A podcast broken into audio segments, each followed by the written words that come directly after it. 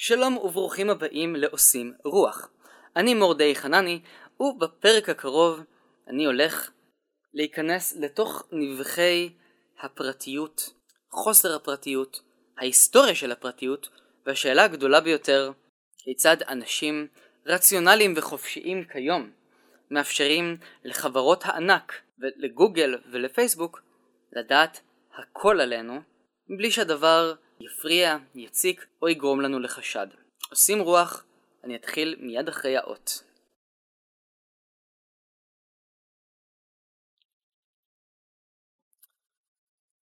אז שלום וברוכים הבאים לעושים רוח ולהיסטוריה של הפרטיות. קחו בחשבון שאם אתם הגעתם לפרק שלי בפייסבוק, פייסבוק יזכור את זה וידע להזכיר לכם ולהמליץ לכם על פודקאסטים נוספים בפעם הבאה. אם הגעתם דרך גוגל, סביר להניח שהוא יודע איפה הייתם בזמן שהאזנתם לפרק שלי. האם זה נורא? בוא נבדוק. מה ההיסטוריה של הפרטיות? מתי זה התחיל להיות חשוב לנו, וממתי זה כבר לא ממש מעניין אותנו. נתחיל בהגדרה הבסיסית ביותר. מהי המטרה של הגבולות? לכל היצורים שחיים יש גבולות מוגדרים. כמו למשל, מי שייך לקרקע שהוא נמצא עליה, טריטוריה. אפילו בביולוגיה, קורם התא קובע באופן דומה מה נמצא בתוך התא ומה נמצא מחוץ לתא. קירות התא הם אלו שיקבעו מה יישאר בפנים ומה יושלך החוצה לתוך הציטופלזמות והעניינים הביולוגיים שאני ממש לא מבין בהם. למעשה המילה אינטימיות מתייחסת לשיתוף של מידע אישי פרטי ומעשים בין בני זוג. המילה מגיעה מהמילה הלטינית אינטוס, כלומר בתוך, וצורת החזרה הקשורה לכך היא אינטימוס, שזה אומר הקירות הפנימיים של העורקים והוורידים, שהשורש שלהם זה אינטימה. אז מי שאנחנו נמצאים איתו בקשר אינטימי, זה אומר שאותו אדם נכנס לנו לתוך הוורידים.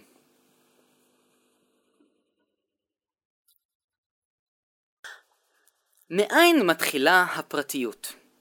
well, הרומאים לא היו ביישנים כשזה הגיע לעשות את הנומרו דוס שלהם. משתמשים ביציאה האחורית אחרי שהם אוכלים. כלומר, משהו שהיום אנחנו רואים אותו בתור מעשה שדורש רמה גבוהה מאוד של פרטיות. ברומא העתיקה הרגלי הרחצה היו הרבה יותר פתוחים ובמידה רבה חסרים לחלוטין פרטיות.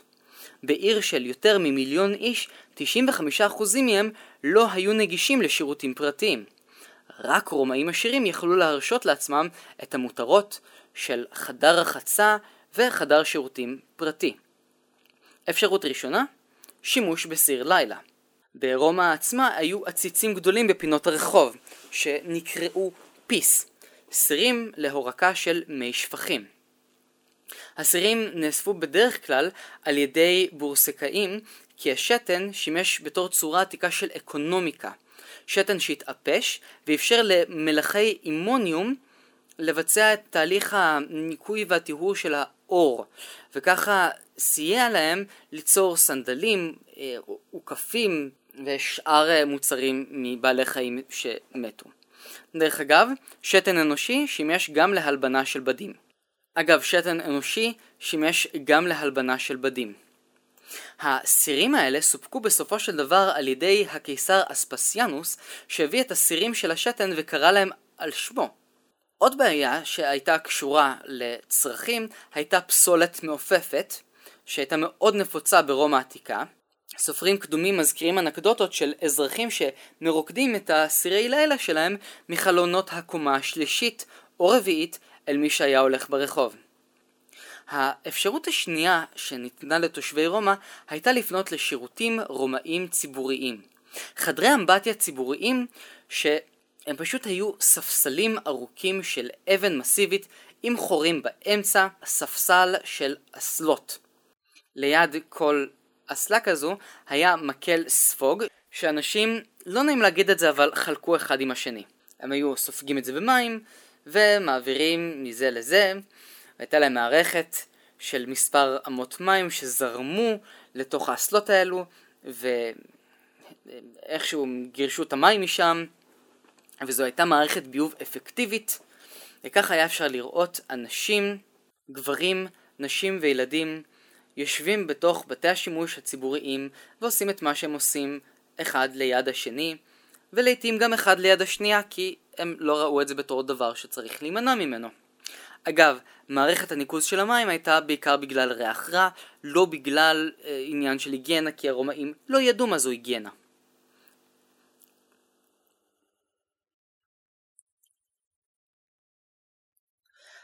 אנחנו עוברים לימי הביניים. בכפרים מימי הביניים, בטירות או בקהילות של אנשים שחיו יחד, הניחו שכולם מכירים את כולם, וזה העסק של כולם, אפילו יותר מעסקיהם של בעל ואישה שחיו ביחד. בדרך כלל גם לא באותו חדר שינה. אפילו המין דרך אגב לא היה עניין פרטי כפי שאנחנו חושבים שהוא צריך היה להיות. בטירות או בבתי אחוזה עמדו המיטות של האדון והגברת באמצע האולם הגדול והמשרתים היו ישנים על משטחים במסדרון מסביבם. רק באביב צעירים בפעם הראשונה מזה חודשים היו יכולים להתייחד ביחד, אבל רק ביער או בשדה, רחוק מכל הקרובים שיכלו לראות אותם, לשמוע אותם או להבחין בהם. לדעתי, אם תהיה לי יום אחד מכונת זמן, אני אחזור אחורה ואגלה שבימי הביניים היו מחוזות שלמים בכל גרמניה, שלזיה וסקסוניה, שאף זוג לא ביצע את מעשיו בתנוחה המיסיונרית במשך חודשים שלמים, מכיוון שלא היה להם איפה לעשות את זה. אגב, הדת שאנחנו נוטים לחשוב עליה גם בתור עניין פרטי, הייתה בעיה מאוד קשה בימי הביניים. אם מישהו עשה נזק רציני לכנסייה או שנתפס בכפירה, הוחרם, פשוטו כמשמעו, ונותק מהקהילה, משום שחשש שהשיתוף של אותו אדם עם כלל הסובבים איתו ידביק את האחרים ברעיונות אנטי דתיים ויגרום למרד. ועל כן כולם היו מאזינים לכולם ויודעים מה כולם עשו ופועל יוצא אז uh, התחילו להיכנס לכל ענייני ציד המכשפות ורק על סמך הלשנה שראיתי את uh, גברת uh, פטנאם מבצעת כשפים היו יכולים לשפוט אותה להוצאה להורג.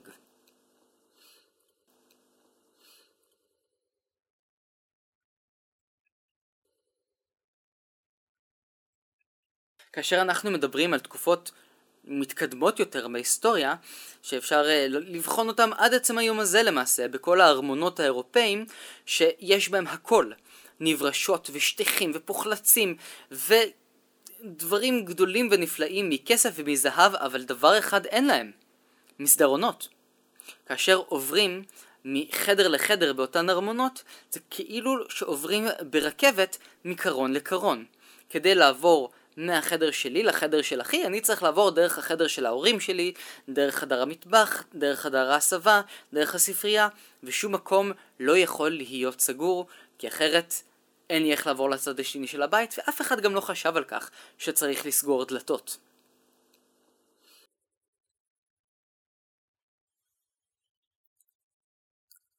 פרטיות באסיה. הדברים שאנחנו רואים בתור הבדלים בין פרטי ופומבי נקבעים בין השאר מבחינה תרבותית. מה שנחשב פרטי בתרבות אחת הוא ציבורי בתרבות אחרת. בטיול שערכתי בקמבודיה, למשל, יכלתי לראות כמה דברים שאנחנו במערב רואים אותם בתור מעשים אינטימיים, כמו לירוק, לקנח את האף, לשטוף כלים, לבשל בשר, ואפילו במידה מסוימת לגדל ילדים. בקמבודיה, כל הדברים האלו הם מאוד מאוד ציבוריים. לא מסתירים, לא מסווים. מדריכה מאוד נחמדה בתוך אה, אחד הארמונות פשוט דווקא שמוכתה מול קבוצה שלמה. והכל היה בסדר. אפשר לראות ברחובות הראשיים נשים יושבות על פינות לצד המדרכה, מנקות בעזרת מים קרים מסביב לקערות ענקיות, שוטפות כלים ממש ליד הכביש, או אפילו חופפות את השיער. בבתים קמבודים בהם אין מים זורמים, אין דרך אחרת מאשר לבצע את הפעולות האלו במקום ליד כבישים ראשיים, איפה שיש, או אמור להיות, ניקוז. ילדים בקמבודיה נמצאים בכל מקום. לא פעם הבחנתי ילדים שמסתובבים בין בתים באזור שיש שם כמה משפחות, נכנסים מחצר לחצר, ואם הילד במקרה רץ לכביש אז קמבונדי רנדומלי פשוט תופס אותו, נותן לו פליק על הטוסיק, ופתאום מגיעה אימא של הילד, אומרת תודה לבן אדם שבאותו הרגע הכה את הילד שלה, ולוקחת את הילד ומנסה להושיב אותו, להאכיל אותו. בשיחה עם אחד המדריכים שלימד אותנו כמה מילים בקמבודית, הוא לימד אותנו את המילה אחי או אחותי בהתאמה, בדרך שבה אנשים פשוט פונים זה לזו כי ככה זה מקובל. אפשר לראות גם גברים שהם חברים או ידידים סטרייטים מחזיקים ידיים, זה קורה גם בהודו, ומסתבר שגם uh, הסודנים החמודים שגרים לי מתחת לבית יכולים ללכת יד ביד ברחובות תל אביב, לא בגלל שזו עיר גייזית וליברלית, פשוט מכיוון שככה הם חיים.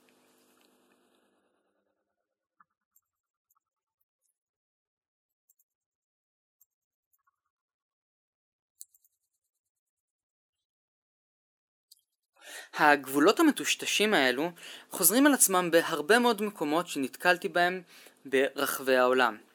דיברנו על uh, כל מיני דברים שיוצאים מהאף ומהפה.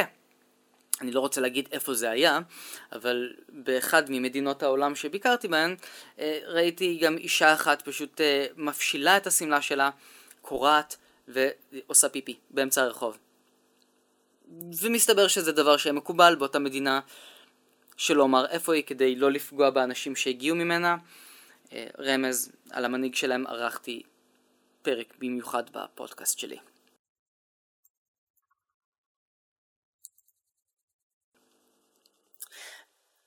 במקום אחר, אני יכול להדגיש סיפור שקרה לי בלאוס.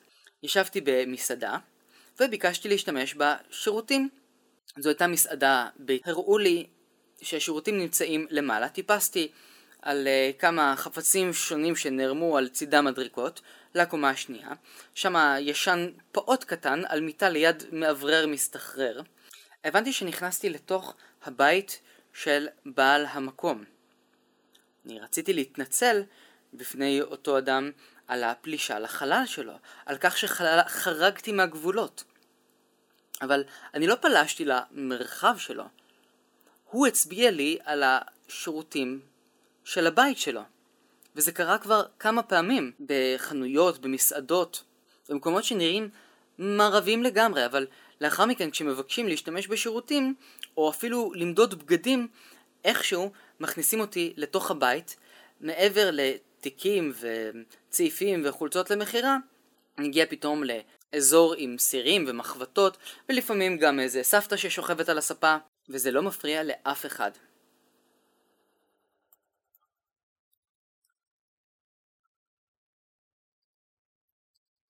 העניין האחרון שאני רוצה להעלות אותו בנושא של פרטיות זה הנושא של מגע. קרה לי לא פעם שבמהלך אה, התמקחות על מחירים של חולצות או בגדים מוכרים מצאו לנכון לצבות אותי בטוסיק או לתת לי פליק. חייט אחד שמדד את ה... הטורסו המדהים שלי בשביל לתפור uh, ז'קט למידותיי, הכניס אותי לתוך חדר הלבשה, קרא לאשתו שהפשיטה אותי בלי להגיד לי כלום, בלי לדבר איתי, הייתה מאוד עדינה, מאוד יעילה, מתחה אותי מכל הכיוונים, העבירה את הסרט מדידה שלה על כל מיני חלקים בגוף שלי שהייתי מניח שהיא תימנע מלהניח אותם קרוב, אבל מסתבר שככה אנשים עושים את זה. שהטאבו הנוראי שלנו של מגע לא תקף לגביהם. מצד שני, אי אפשר לראות במדינות האלו בשום מקום זוג מתנשק, או מתחבק, או גבר ואישה שמפגינים אהבה, מחזיקים ידיים, יושבים באיזה פארק ציבורי ורוכנים זה על זו.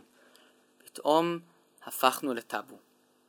גם בסרטים, בחלק מהמדינות האלו, לאוס, וייטנאם, קמבודיה, תאילנד הם קצת יותר uh, מפותחים מהכיוון הזה, אפשר לראות הרבה מאוד קליפים במסעדות ובנסיעות באוטובוסים, ובהם איזה זמרת שרה שיר אהבה לבן זוגה מבלי שהיא נוגעת בו אפילו פעם אחת.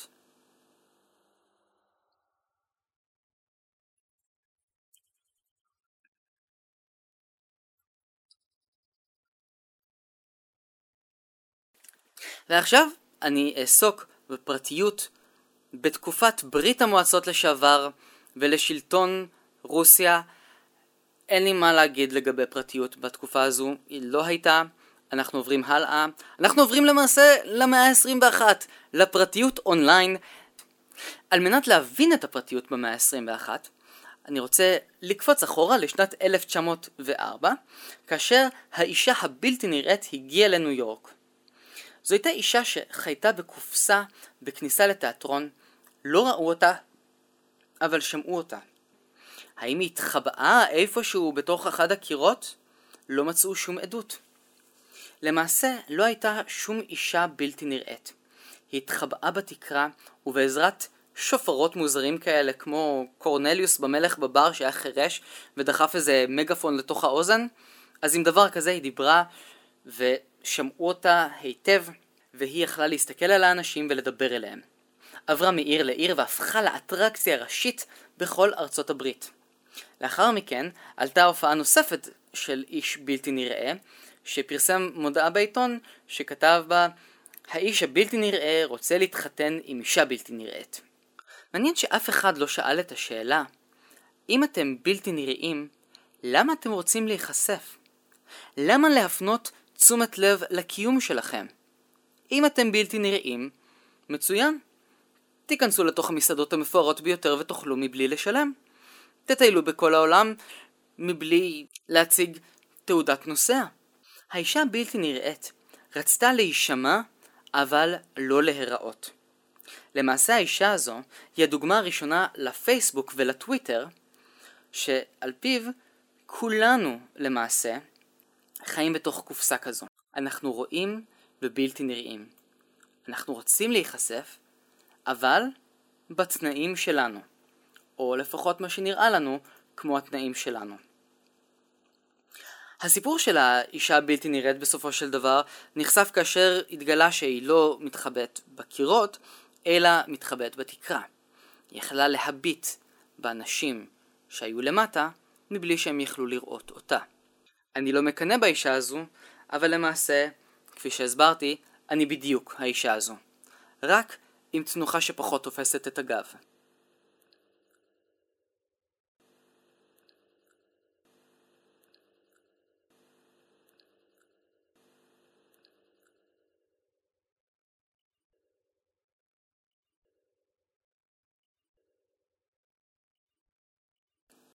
אז למה היום אנחנו מרשים לגוגל לבלוש אחרינו?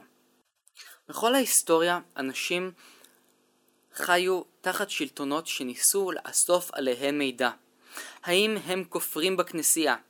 האם הם לא נאמנים למפלגה הקומוניסטית?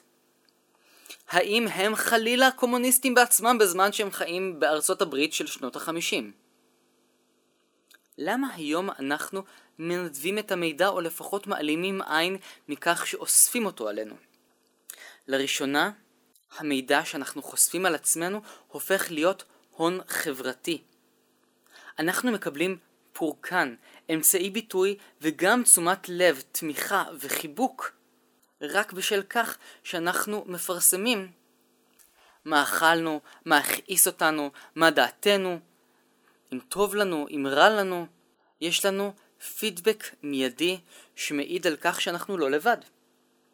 מהצד השני, יש לנו אפשרות לחטט בחיים של אחרים. אנשים, ברוב המחקרים שנערכו בנושא, לא רואים בחיים של עצמם חיים ששווים חיטוט.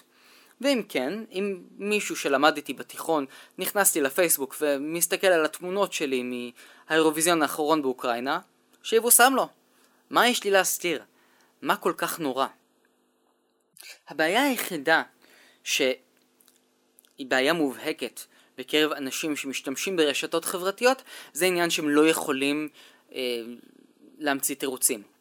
אם מישהו טוען בעבודה שהוא חולה ולאחר מכן מצטלם בים עם חברים, אז יש סיכוי טוב שהדבר יתגלה והוא יוכל להיות מפוטר בשל כך. כאן לא מדובר בפרטיות כן או לא, כאן מדובר בשכל, האם קיים או לא. אבל ישנה שאלה עמוקה יותר. למה אנחנו מאפשרים לחברות מסחריות כמו גוגל ופייסבוק לאחסן אינפורמציה אלינו ולדעת על כל מוצר שהתעניינו בו, כל שירות שרח... שחשבנו לרכוש וכל חופשה שתכננו לצאת אליה. התשובה לכך היא מאוד ברורה. אנחנו ממילא צורקים, אנחנו ממילא קונים. נשמח דווקא שיהיה מי שמכיר אותנו טוב כל כך. אם אני טבעוני ונפתחת מסעדה טבעונית חדשה בתל אביב, אני אעדיף שגוגל, על סמך ההיכרות שלו איתי, ימליץ לי על המסעדה הזו לפני שאני אגלה עליה מאוחר מדי. ואם יש גרופון או הנחה, הרבה יותר טוב. שהמידע שאני רוצה למצוא ישיג אותי לפני שאני אבצע איזושהי פעולה על מנת להשיג את המידע הזה.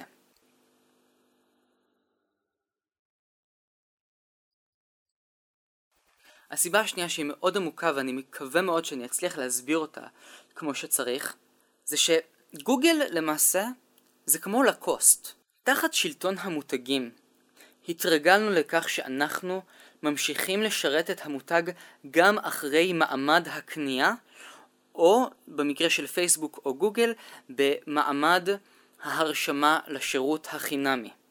כאשר אני הייתי בתיכון, הרבה מאוד uh, חבר'ה מהכיתה שלי לבשו חולצות שהיה כתוב עליהם פוקס בענק, והפלא ופלא, החולצות האלו נקנו בפוקס. אנחנו למעשה המשכנו לשרת את החברה הזו למרות ששילמנו להם כסף. מצד שני, זה הפך להיות סמל סטטוס. אנשים רצו להתגאות בכיתוב הגדול שמפריע לחולצה. כך גם עם מותגים יקרים פי כמה כמו לקוסט. הרי מה זה לקוסט? חולצת פולו עם צווארון נחמד ובד שאוגר על עצמו כתמי זיעה מהגיהנום, אבל יש כתם על החולצה הזו. כתם קטן בצורה של תנין. אנחנו לא מתייחסים לזה בתור כתם, אנחנו מתייחסים לזה בתור סיבה לגאווה. מקרים אחרים יכולים להיות מקרים של ברירת מחדל, כמו למשל הצלצול הבא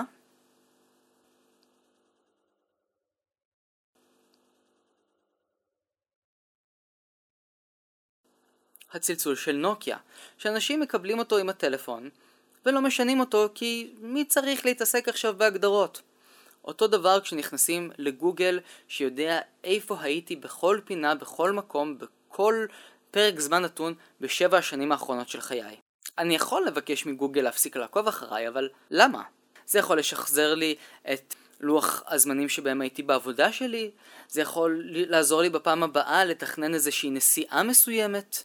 אין שום בעיה בכך שהרשתות החברתיות יזדנבו אחריי, יעקבו אחריי, אין לי מה להסתיר. ואם כבר קרה מקרה של איזושהי גנבת זהות, לא ששמענו על מקרה כזה לאחרונה, אבל אם כבר אדם נחשף באיזושהי תרמית בפייסבוק, או שאיזה גנב ראה שהוא בדיוק עשה צ'ק אין בבוקרסט והוא ניצל את ההזדמנות שהוא לא בבית כדי להיכנס ולשדוד משם את הכל.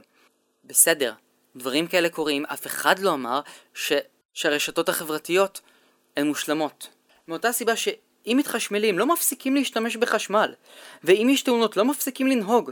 אז גם אם יש מקרים של גנבת זהויות או בעיות אחרות שקשורות להתנהלות של הפרטיות שלנו ברשתות החברתיות, זה לא אומר שצריך לסגת אחורה. הרי כולנו נוכל למנוע לחלוטין את תאונות הדרכים אם נגביל את המהירות המותרת ל-30 קמ"ש. אף אחד לא יעשה את זה. גם באינטרנט אנחנו יכולים לגלוש בצורה בטוחה ביותר מבלי לתת לאתרים ולרשתות חברתיות לאסוף עלינו מידע. אבל מה המחיר? המחיר הוא שאנחנו נחזור לאינטרנט כמו בשנות התשעים. אם אנחנו לא נאפשר את המידע הזה, ואנחנו לא נניע אותו קדימה, לא יהיו המלצות על מסעדות, לא נדע מאיזה כביש לנסוע כשיש פקק, לא נוכל לאתר את הספר הבא שיתאים בדיוק עבורנו כמו שאנחנו מוצאים באמזון.